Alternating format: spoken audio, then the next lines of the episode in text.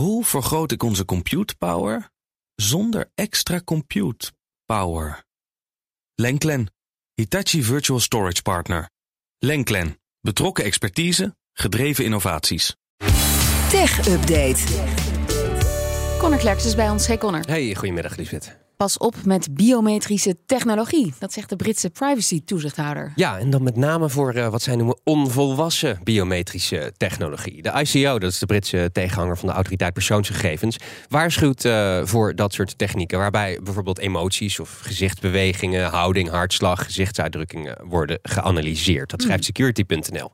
Volgens de ICO zijn dit soort technieken gewoon nog niet volwassen en werken ze daardoor niet goed of uh, werken ze misschien in de toekomst helemaal nooit goed. Dat weten we nog niet. En zo'n onnauwkeurige biometrische metingen die zouden kunnen leiden tot discriminatie of veroordelingen.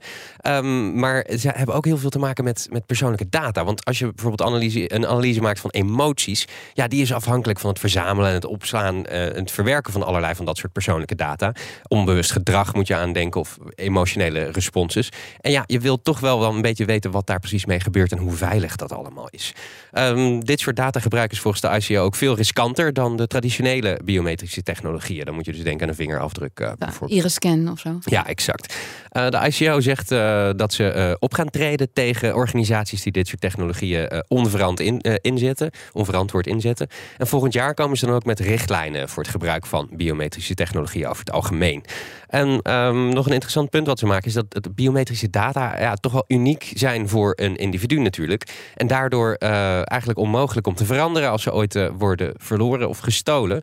Ja, denk er maar over na. Een gestolen wachtwoord, als je daar, daar een melding van krijgt van je browser bijvoorbeeld, dat jouw uh, ja. wachtwoord ergens opgedoken is, ja. is in een lek. Ja, dan pas je al, al je wachtwoorden aan. Maar is jouw gezichtscan ergens opgedoken? Ja, wat moet je dan? Ja. Naar de plastische chirurg. Dat is veel definitiever. Ja. En dan een miljoenenboete voor Meta of Meta in Turkije.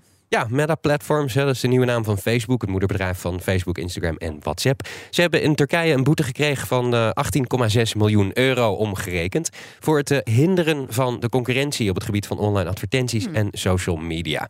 De Turkse mededingingswaakhond uh, stelt dat het samenvoegen van de gebruikersgegevens van de drie grote diensten die ze dus hebben, die ik net noemde, Meta een oneerlijk voordeel opleverde. Meta is het niet eens met die boete. Ze zeggen juist dat zij de privacy van gebruikers beschermen en gebruikers zeggenschap geven over hoe er met hun gegevens uh, om moet gegaan.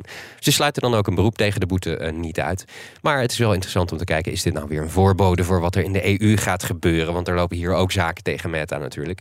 Uh, er loopt een onderzoek over de manier waarop Meta met reclame omspringt. Met name welke afspraken ze met Google hebben gemaakt. En er loopt nog altijd een onderzoek naar machtsmisbruik van Facebook op het gebied van persoonlijke advertenties.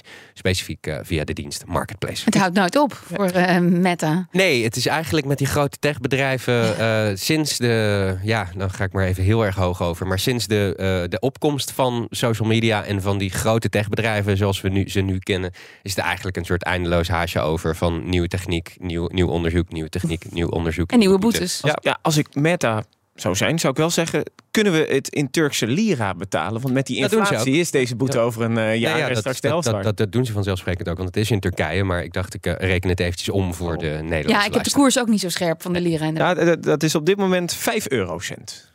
Eurocent? Ja, okay. eurocent. Ja, 83% inflatie, dan krijg je dat. Hè. Dan nieuws over Netflix en de accountdelers, tenslotte. Ja, Netflix gaat de hoofdeigenaar van een account vragen om gebruik buitenshuis af en toe te verifiëren. Dat schrijft uh, Tweakers. Er waren wat vragen over het nieuwe beleid mm. van uh, Netflix. Over het gebruik van uh, het dienst in het buitenland, maar ook buiten je eigen omgeving. En om wachtwoord delen. En tegen de Consumentenbond zegt een woordvoerder van Net Netflix nu dat er geen extra kosten komen voor het gebruik van Netflix in het buitenland. Of als je het langdurig op een ander adres dan je huisadres gebruikt. Maar uh, gebruikers moeten wel in sommige gevallen verifiëren dat het apparaat dat hun account gebruikt ook gemachtigd is om daar gebruik ja. van te maken. Dus heel kort uh, door de bocht, stel jij en ik delen een Netflix-account en ik ben de hoofdeigenaar en ik uh, betaal. Dan krijg ik af en toe een berichtje als jij probeert om iets op te kijken. Op een andere device. Op een andere device of ergens ja. anders. Um, dan krijg ik de melding klopt dit wel? En ja. dan uh, krijg ik ook een code, ge-sms'd of gemaild. En die zou jij dan binnen een kwartier moeten invoeren. Oh, binnen een kwartier? Ja. Oh, dan heb ik jou al drie keer gebeld. Ja, precies. Het is niet bepaald onmogelijk om te omzeilen. Maar uh, ja, wel weer een poging van Netflix om te proberen uh, ja, geld te verdienen. Dankjewel, Conor Klerks. De BNR Tech Update wordt mede mogelijk gemaakt door Lenklen. Lenklen. Betrokken expertise, gedreven resultaat. Hoe vergroot ik onze compute power zonder extra compute power? Lenklen, Hitachi Virtual Storage Partner. Lenklen, betrokken expertise, gedreven innovaties.